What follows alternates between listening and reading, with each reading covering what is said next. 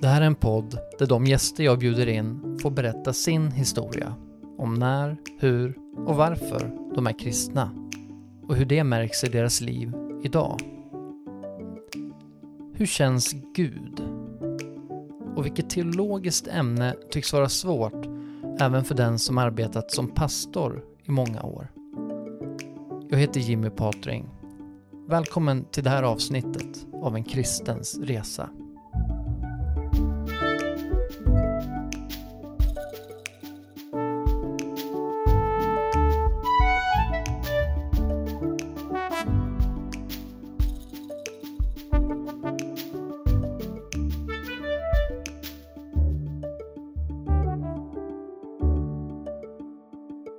Jag, jag har inte rånat banker och allt det där. Jag, jag har många andra synder men jag har inte så dramatiskt att jag har haft varit långt, långt, långt borta och kommit tillbaka. Daniel Alm. Uppvuxen i Björkeby utanför Vetlanda i ett hem han beskriver som ett arbetarhem med en pappa som jobbade på sågverk och en mamma på vårdboende. Mamma, pappa och fyra äldre systrar. Så såg familjebilden ut. Nog om det. Daniel är idag pastor i en pingstkyrka i Västerås och även ledare för den svenska pingströrelsens riksorganisation med sina nästan 400 församlingar. Jag hälsar honom välkommen till min podd. Mm, tack så jättemycket. En heder att få vara med i premiäravsnittet. Vad kul. Tack Kul för att du inbjudan. känner så. Ja, men det gör jag. När du säger att du är kristen, vad betyder det för dig? Alltså vad lägger du i det begreppet? Ja, men det lägger jag ju då att jag har bestämt mig för att svara ja på någon som har letat efter mig. Alltså kärleken börjar inte med mig, att jag börjar tro, jag kan, jag, utan jag på något sätt bara insåg, Gud sökte kontakt med mig, han letar efter mig. Och jag har sagt ja till det, det har jag gjort personligen. Och blev en kristen, men det för mig är det viktigt att komma ihåg att det där är någonting som jag har tagit emot mer än att jag har skapat det själv. Så tron är en gåva, någonting man tar emot. Och sen betyder det ju dagligt, ja men Jesus är min ledstjärna.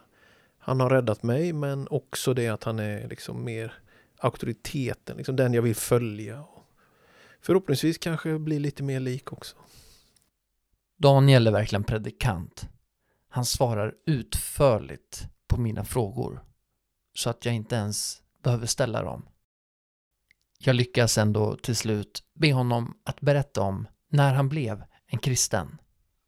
Ja, men alltså sett ur frikyrkovärlden som väl är en liten värld får man väl säga ändå. Men jag är ju ändå uppvuxen i den, vilket betyder att jag har gått i söndagsskola. Jag och mina föräldrar, troende, de tog med mig till församlingen och sådär. Men för mig själv var det ju ändå viktigt att det hände saker i den tidiga tonårstiden som gjorde att jag tog ett beslut att ja, men jag vill själv tro på Jesus. Jag vill inte bara stå på mina föräldrars tro. Däremot var det inte det att, och sen dess var det eh, superenkelt, utan egentligen var det så att när jag hade tagit emot och låtit döpa mig i vatten, då började nog egentligen den mest röriga tiden i mitt liv med väldigt mycket att jag drogs åt alla håll och kanter. Så det tog tre år typ innan jag på något sätt rotades i någonting lite mer rejält. Ja, men det här, jo, men detta är mitt liv, detta är min tro, detta står jag för. Så jag var nog rätt så, jag ska inte säga att jag levde ett dubbelliv, men jag var nog ganska kluven faktiskt. Det var jag nog. Men du, jag bara funderar på, för du sa, du sa ju här i början att eh, du, ser det, du ser det på det sättet att det är Gud som har sökt dig. Ja, absolut. Ändå så känns det som att på något sätt så har Gud alltid haft en självklar plats i ditt liv. Jo, men det är väl en, det är väl någon slags paradox som inte behöver vara en motsägelse ändå. Att, eh, nej men att kärlek, att människan kan älska är ändå ett gudsbevis. Att människan kan ge uttryck för varma känslor, förundran, eh, förälskelse. Att människan kan uttrycka det. För mig är det ändå ett, ett Gud. Och var kommer det ifrån? Vem är källan till detta? Är det, men jag tänker ju att det är nedlagt av Gud, den förmågan. Det är en del av att vara hans avbild. Mm. Och lite så tänker jag nog med tron också. Att det är, jag har fått en förmåga att tro. Och det är för att jag är Guds avbild om man säger så. Jag ser inte tron som någonting som jag har förvärvat egentligen utan jag har tagit emot en gåva som jag ursprungligen är skapad för att leva med. Det verkar ändå på Daniel som att Gud på ett eller annat sätt har funnits med hela tiden. Jag blir lite nyfiken på att höra hur han föreställde sig Gud som barn. Jag har nog ändå alltid vuxit upp med mina gamla mostrar som spelade gitarr och vi fick sitta där. Det var inte så hipp kyrka jag växte upp i direkt utan vi satt och lyssnade på mina gamla mostrar som spelade gitarr, gitarr och sjöng. Och de, men de var, alltså de, de har präglat väldigt mycket av min gudsbild egentligen. För att de, allt var trofasthet, nåd, kärlek, himmel, eh, framtid, hopp, tröst. Alltså de stod för mina, mina, jag kan nog säga att mina mostrar, min mamma, stod nog väldigt mycket för en, en sån grund i kristen tro som, som ja men framtiden var inte hotfull, den var hoppfull. Va? Det är jag nog ganska präglad av och föreställer mig Gud så.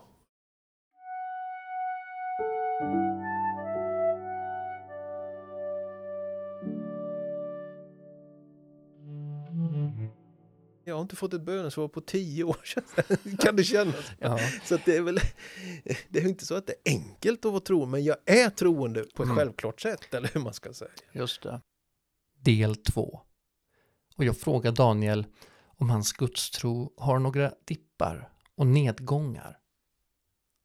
Jag har nog haft det utifrån ja, men besvikelser mer i så fall på mig själv och på andra människor än på Gud egentligen. Men samtidigt har det ibland vänts till en fråga till Gud om man så säger. Ja men till exempel att eh, ja, men man kan, man kan ty ha tyckt ibland att människor som beter sig väldigt illa ändå klarar sig väldigt bra. Liksom. Och så tycker man att Psalm 73 är inne på det här mycket. Hur, Gud, liksom, hur kan du tillåta det här? Liksom? Och, och, man har tyckt själv ibland att ja, men jag, jag borde väl liksom eh, jag borde väl ha kommit längre än att eh, hålla på med de här tankebanorna och sådär. Så, att, så att det, är, det är mer liksom egentligen tvivel på människan som ibland har gjort, ja men gud, vad går det ut på liksom? Eh, att det har skapat någonting, vad är meningen med så jag har nog fått kämpa lite med den typen av tvivel och utöver det också en del tvivel på ledan i att eh, ja, nu är det en ny dag, så går vi upp och så gör vi och sen sköter vi och sen går vi och lägger oss och så jaha. Alltså, så jag, jag är ju karismatisk kristen, kanske krångligt ord för någon lyssnare, men det har ändå betytt väldigt mycket för det här att jag tror och behöver jättemycket att ja, men anden närvarar och verkar just nu i mitt liv. Det har varit en livlina för mig. Alltså, annars har jag nog, ska man liksom mer tänka på människan och Gud i någon slags logisk teknisk bemärkelse, då sjunker jag rätt fort. Alltså, utan jag, jag, för mig är det det här att ja, men varje människa är Guds avbild. Varje människa är ett, kan ta emot Guds kraft, Guds liksom närvaro. Då finns det hopp. Och då finns det hopp för mig också. Så det, det Ja, mm. det, är nog, det är nog ibland att man tvivlar på sig själv som gör att man också undrar, men gud, hur, vad, hur var det tänkt egentligen att man skulle få ihop det här livet? Sådana tvivel har jag haft periodvis, ja. absolut. Och du vet, när man är ledare, man är, jag är ju trots allt predikant och är ansvarig för en församling, församlingsledare, då det blir ju en annan sorts tvivel. Jag, menar, jag kanske inte tvivlar på Guds existens, jag tvivlar inte på liksom Jesu död och uppståndelse. Utan det är mer hur får man ihop sammanhang och liv. Det är kanske mer där som jag får kämpa med tvivel. Varför blev du pastor? Ja, men det var väl de här eh, perioden mot slutet av gymnasiet. Där hade jag en, en kulmen på ganska mycket. Jag är väl lite av en grubblare ändå inom mig. Och jag hade haft väldigt mycket kan man säga funderingar fram och tillbaka. Och så helt plötsligt på vårterminen, sista delen av gymnasiet i trean. Så tyckte jag, ja men det blev någon slags sådär, jag läste Bibeln varje dag ganska länge faktiskt. Flera timmar varje dag. Jag, eh, inte alls menat att säga det som någon slags form av försök till skryt utan faktiskt ett konstaterande. Jag blev så enormt intresserad av Bibeln. Läste och läste och läste. Åkte ner till vår lilla sjö, eller stora sjö, vår lilla båt ska jag säga, för sjön är ganska stor. Vår lilla båt rodde ut, satt där och läste ett litet eh, ficktestament i Nya Testamentet. Så jag fick två månader av bibelläsning som gjorde att jag tyckte att jag, jag, jag på något sätt fick svar. Jag tyckte att jag förstod både mig själv och Gud och församling och tro och liv. Alltså jag, jag menar, jag var 18 år så det är klart att jag inte förstod allting. Men just då i det läget så blev det en process, några månader med extremt mycket bibelläsning. Jag har förr eller senare, varken förr eller senare har jag läst så mycket bibel som då. Och det är klart, i det, det var då, då blev det på något sätt som en självklarhet för mig. Du ska bli predikant. Ja, jag ska bli predikant. Du har aldrig tvekat på att, äh, är det här, är jo, det rätt? det har jag. Det har jag.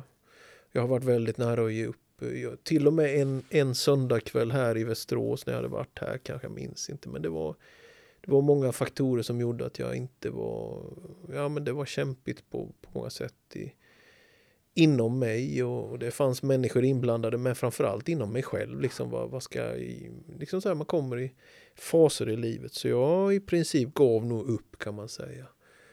Och den söndagskvällen var en söndagkväll när jag bestämde nej jag ska inte mer, jag ska sluta nu, nu räcker det. Då som vi säger, det låter ju så stora ord men, men jag kan ju ändå bara säga på något sätt, jag satt, de andra gick och la sig, jag kunde inte gå och lägga mig.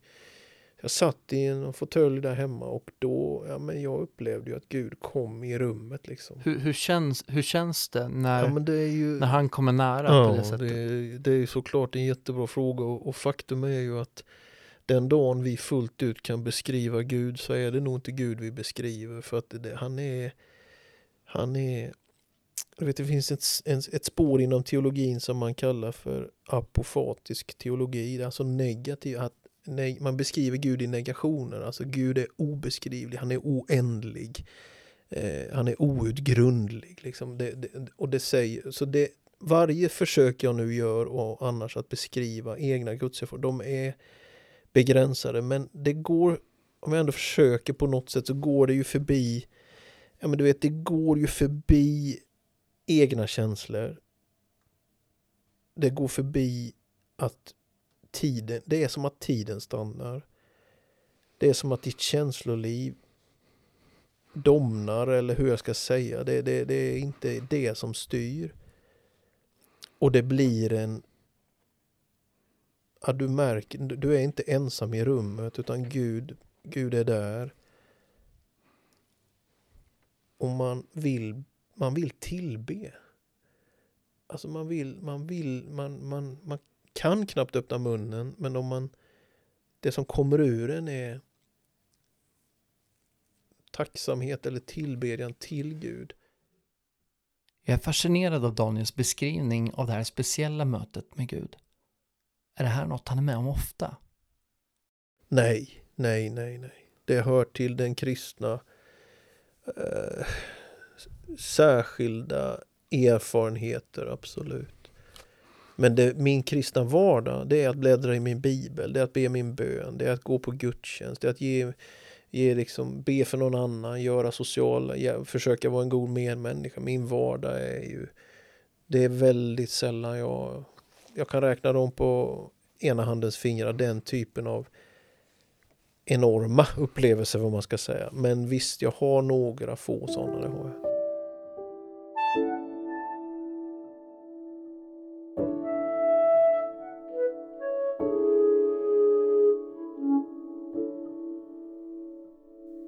Del 3 Daniel fyller 50 i år och jag undrar hur det känns.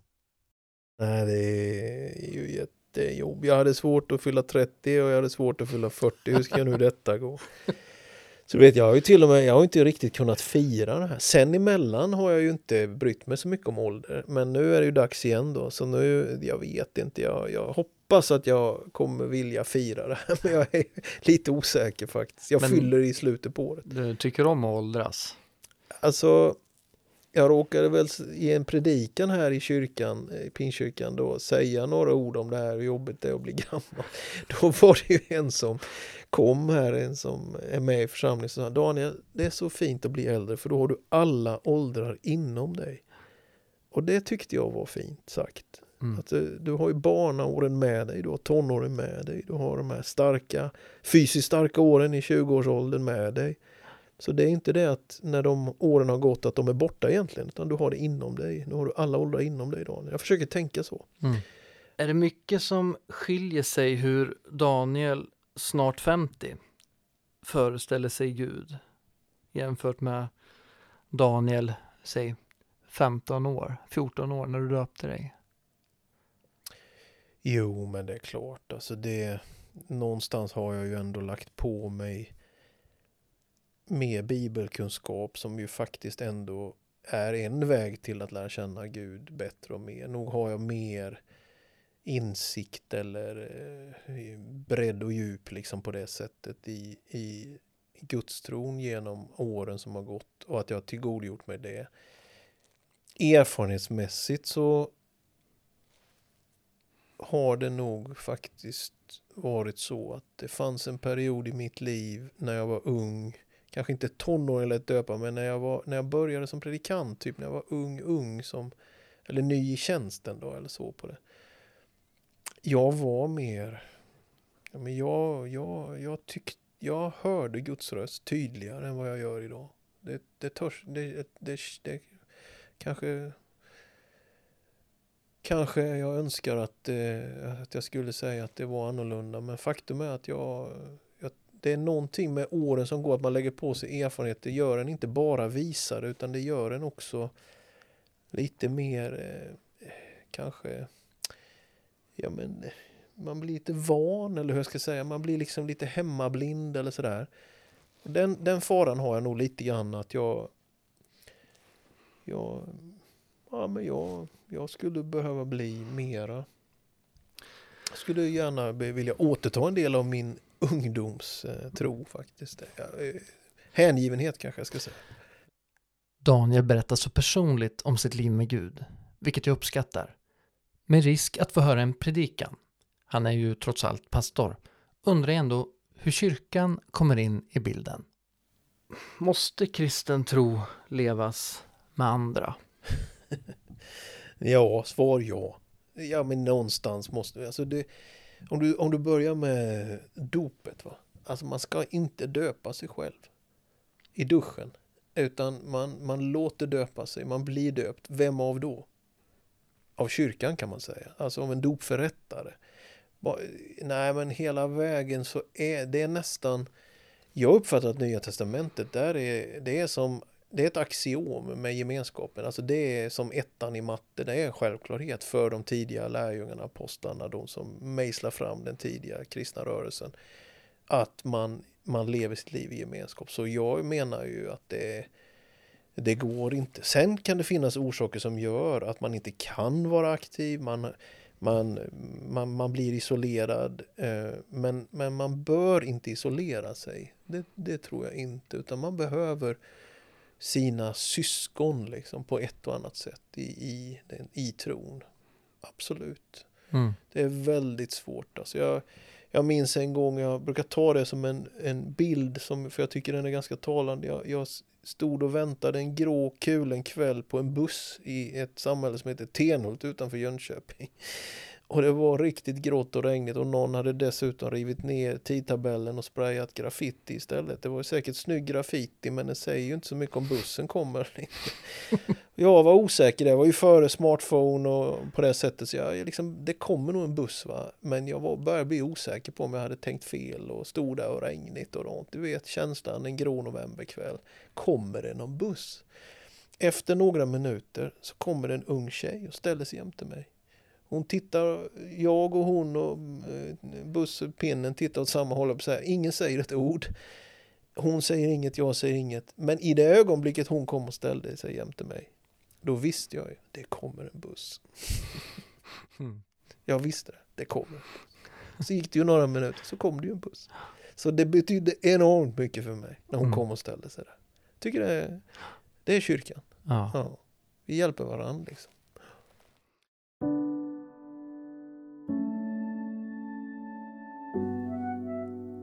Fjärde och sista delen. Och jag frågar Daniel om den är särskilt som han skulle vilja veta mer om. För mig kanske ändå pandemin har gjort. Jag har nog funderat ganska mycket på eh, livet efter detta. Mm. Och det skulle jag vilja veta mer om. Eh, fick ju vara med om, jag har ju då min pappa, jag är lite sladdbarn så han var 42 år när jag föddes och han dog för eh, 10 år sedan på julafton. Och att förlora mm, sin far eh, som betydde enormt mycket för mig. Det har ju också märkt mig lite grann. Eh, det, det hände väl någonting där. Jag vet inte. Jag tror i någon mening att jag har blivit mer barmhärtig som människa. Eh, I, I någon utsträckning hoppas jag det i alla fall. Men det har ju också gjort att man... Ja men det blir så uppenbart att... Ja men vi ska ju alla dö. Varenda kotte, varje människa. Tycker du, du det är ett jobbigt ämne? I någon mening ja. Jag, alltså jag, jag litar på Guds nåd. Jag litar på kraften i frälsningen. Men nog finns det. Så jag, så jag menar, jag, jag känner mig trygg att man är heaven bound, som man säger på engelska, på mm. väg till himmelriket. Uh, men jag måste ändå säga att jag vill inte dö. Jag, jag räds, jag, jag tänker att det år, på tal om åldersnoja, det är mm. också det lite, åren går. Uh, pandemin har ju ändå satt döden lite grann på agendan. Så nog kämpar jag lite med det också. Hur kommer det egentligen att vara? Eh, jag älskar det här citatet från en 1600-talsskald i Sverige, Lars Lind, Lasse Linderoth, Lars Linderoth. Men den trösten jag ej glömmer att min broder Jesus dömer. Jag inser ju att någonstans framför oss ligger en domstol. Varje, varje människa ska göra rätt för sin sak på något sätt. Att ställas inför, men det är Kristi domstol. Men den trösten jag ej glömmer att min broder mm. Jesus dömer. Jag vet jag ska dömas en dag. Men av Jesus. Jag döms inte av djävulen. Jag döms inte av mig själv. Mm. Döms inte av andra människor. Men av min broder Jesus. Daniel, tack för att du ville medverka i min podd. Tack Jimmy.